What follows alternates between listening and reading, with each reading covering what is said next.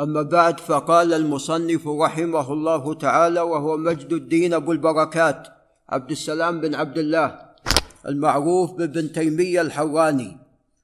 قال رحمه الله في كتابه المنتقى من أحاديث الأحكام قال باب اتخاذ متعبدات الكفار ومواضع القبور إذا نبشت مساجد. لعل أبو عبد الرحمن ينتبه هنا مسألتان مهمتان. المسألة الأولى وهي اتخاذ متعبدات الكفار يعني من الكنائس والبيع تتخذ مساجد بعد أن كانت محل لعبادة الكفار وعبادتهم باطلة تجعل مسجد. فهذا أمر مشروع وقد جاءت به النصوص. والأمر الثاني هو الأماكن التي دفن فيها كفار. فهذه إذا نبشت إذا نبشت القبور ونقلت. إن كان بقايا شيء نقلت وتتخذ مسجد. فايضا هذا أمر مشروع. والرسول صلى الله عليه وسلم قد بنى مسجده وكان هناك بعض قبور الكفار فنبشت وأزيلت. والكفار ليس لهم حرمه فيما يتعلق بذلك نعم. وأما إن كان هناك مدفون أناس من المسلمين فهنا لا يجوز نبش قبور المسلمين لأنهم قد سبقوا إلى هذا المكان إلا في حاله ضروره نعم. قال عن عثمان بن أبي العاص رضي الله تعالى عنه. وعثمان شكى للرسول عليه الصلاة والسلام شيء في جسد يوجعه. فقال قل بسم الله ثلاثا. وقل سبع مرات أعوذ بعزة الله وقدرته من شر ما أجد وأحاذر. فعندما فعل ذلك شفاه الله سبحانه وتعالى. وأيضا اشتكى عثمان من الشيطان. فقال في الصلاة يأتي له فقال ذاك شيطان يقال له خنزب. فإذا حسست به فأدفل عن يسارك ثلاثا واستعذ بالله منه. نعم. قال وطبعا جعله إماما لقومه عليه الصلاة والسلام وقال اتخذ مسجدا. عفوا قال واتخذ مؤذنا. لا يأخذ على أذانه أجرا. قال أن النبي صلى الله عليه وسلم أمره أن يجعل مساجد الطائف حيث كان طواغيتهم طواغيتهم التي كانوا يعبدون في الجاهلية.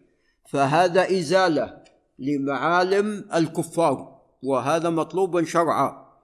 قال رواه أبو داود وابن ماجه. قال البخاري وقال عمر رضي الله عنه إن لا ندخل كنائسهم من أجل التماثيل التي فيها الصور. قال وكان ابن عباس يصلي في البيعة إلا بيعة فيها تماثيل. إذا لعل الشيخ مصطفى ينتبه الصلاة في البيع والكنائس جائزة بشرط أن لا يكون فيها ماذا؟ تماثيل وصور.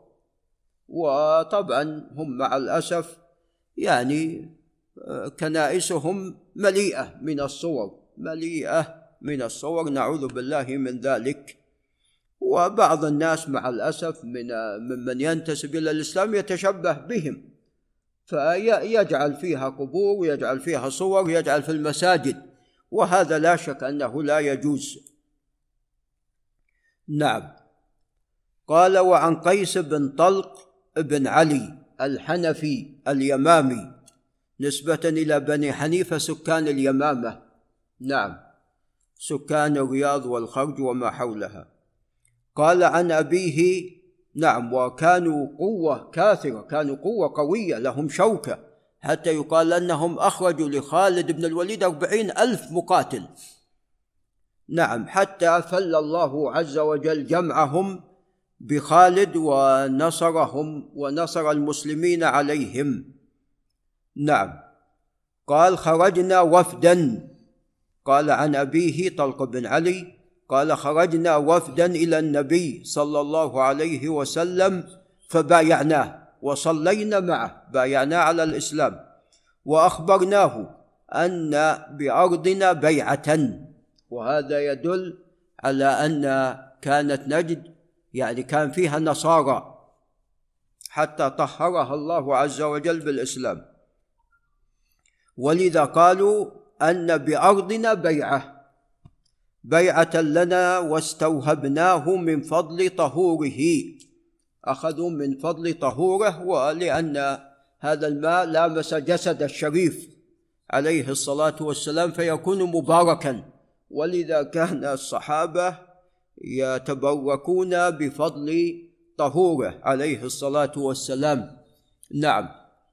قال فدعا بماء فتوضأ وتمضمض ثم صبه في إداوة وأمرنا فقال اخرجوا يعني إلى أرضكم فإذا أتيتم أرضكم فاكسروا بيعتكم أزيلوها وانضحوا مكانها بهذا الماء واتخذوها مسجدا.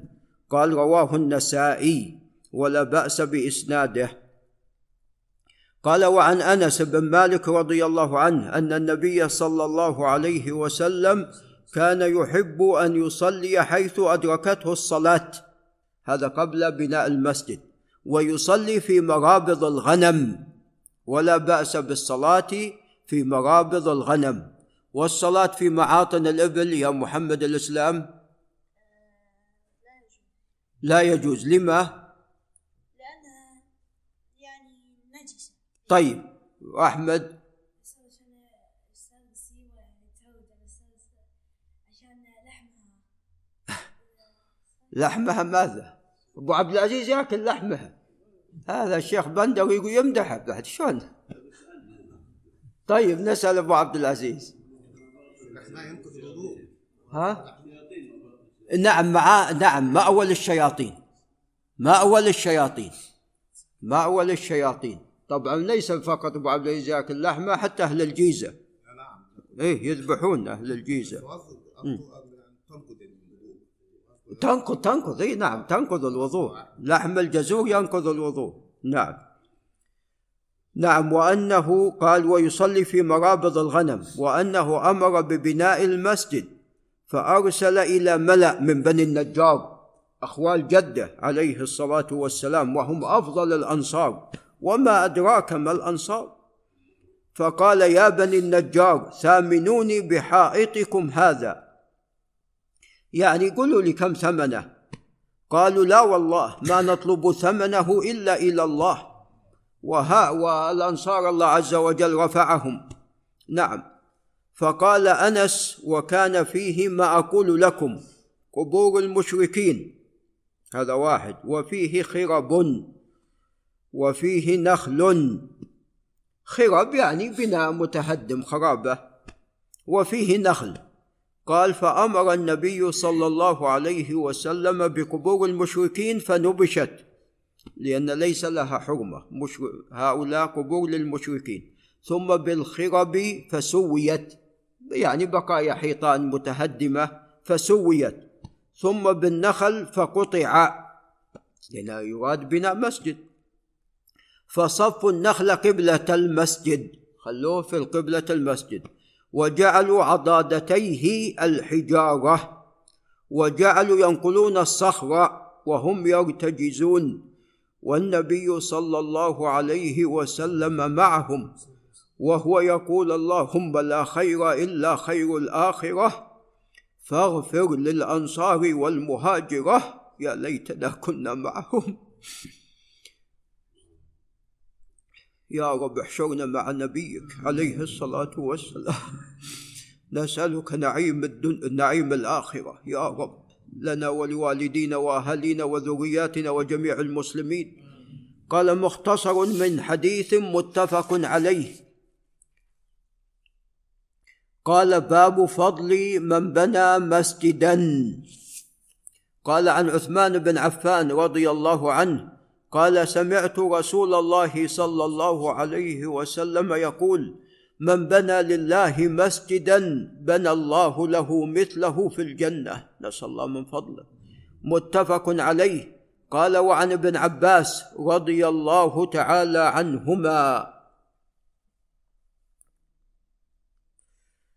عن النبي صلى الله عليه وسلم قال من بنى لله مسجدا ولو كمفحص قطات لبيضها يعني عش القطات والقطات طائر. بنى الله له بيتا في الجنة رواه أحمد. وطبعا هذا لا يصح ولكن جاءت حديث بمعنى هذا الحديث. فالمتن ثابت. قال رواه أحمد وفيه طبعا جابر الجعفي وهو لا يحتج به. قال باب الاقتصاد في بناء المسجد. أنت إذا بنيت مسجد فاقتصد. فالزخرفه والمباهاه والمبالغة هذه لا تجوز. قال قال عن ابن عباس رضي الله عنهما قال قال رسول الله صلى الله عليه وسلم ما أمرت بتشييد المساجد. وبناءها بالشيد. قال ابن عباس لتزخرفنها كما زخرفت اليهود والنصارى. حصل؟ هذا ولا ما حصل؟ حصل. خاصة في عصرنا. قال أخرجه أبو داود. قال وعن أنس. ولا بأس بإسناده. قال وعن أنس رضي الله عنه أن النبي صلى الله عليه وسلم قال لا تقوم الساعة حتى يتباهى الناس في المساجد. وهذا صحيح صححه ابن خزيمة وابن حبان. وقد تباهى الناس في المساجد. قال رواه الخمسة إلا الترمذي. وقال البخاري قال أبو سعيد الخدري كان سقف المسجد أي مسجد رسول الله صلى الله عليه وسلم من جريد النخل. وطبعا الآن كما تعلمون بناء عظيم. ولذا الدجال عندما يأتي ويضرب رواق في صبخة المدينة يقول انظروا إلى قصر أحمد. قال قصر قصر أحمد. وهذه علامة من علامات نبوه, نبوة نبينا عليه الصلاة والسلام. كان جريدا كعريش موسى والآن قصر بناء عظيم. قال كان سقف المسجد من جريد النخل. وأمر عمر ببناء المسجد وقال أكن الناس أكن الناس. يعني غط الناس كلهم كنا أكن الناس من المطر. يقول لهم كن من المطر. ساتر. أكن الناس من المطر وإياك أن تحمر أو تصفر فتفتن الناس. لأن إذا كان اصباغ والوان الناس بينشغلون في ماذا؟ نعم بالأصباغ وبالألوان. نعم وهذا صحيح. نعم ولعل نقف عند هنا. هذا وبالله تعالى التوفيق. آمين.